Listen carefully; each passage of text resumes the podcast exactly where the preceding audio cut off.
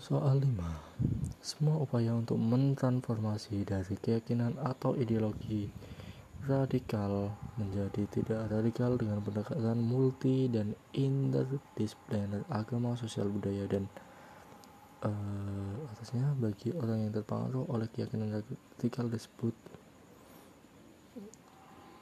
hmm, deradikalisasi. Hmm.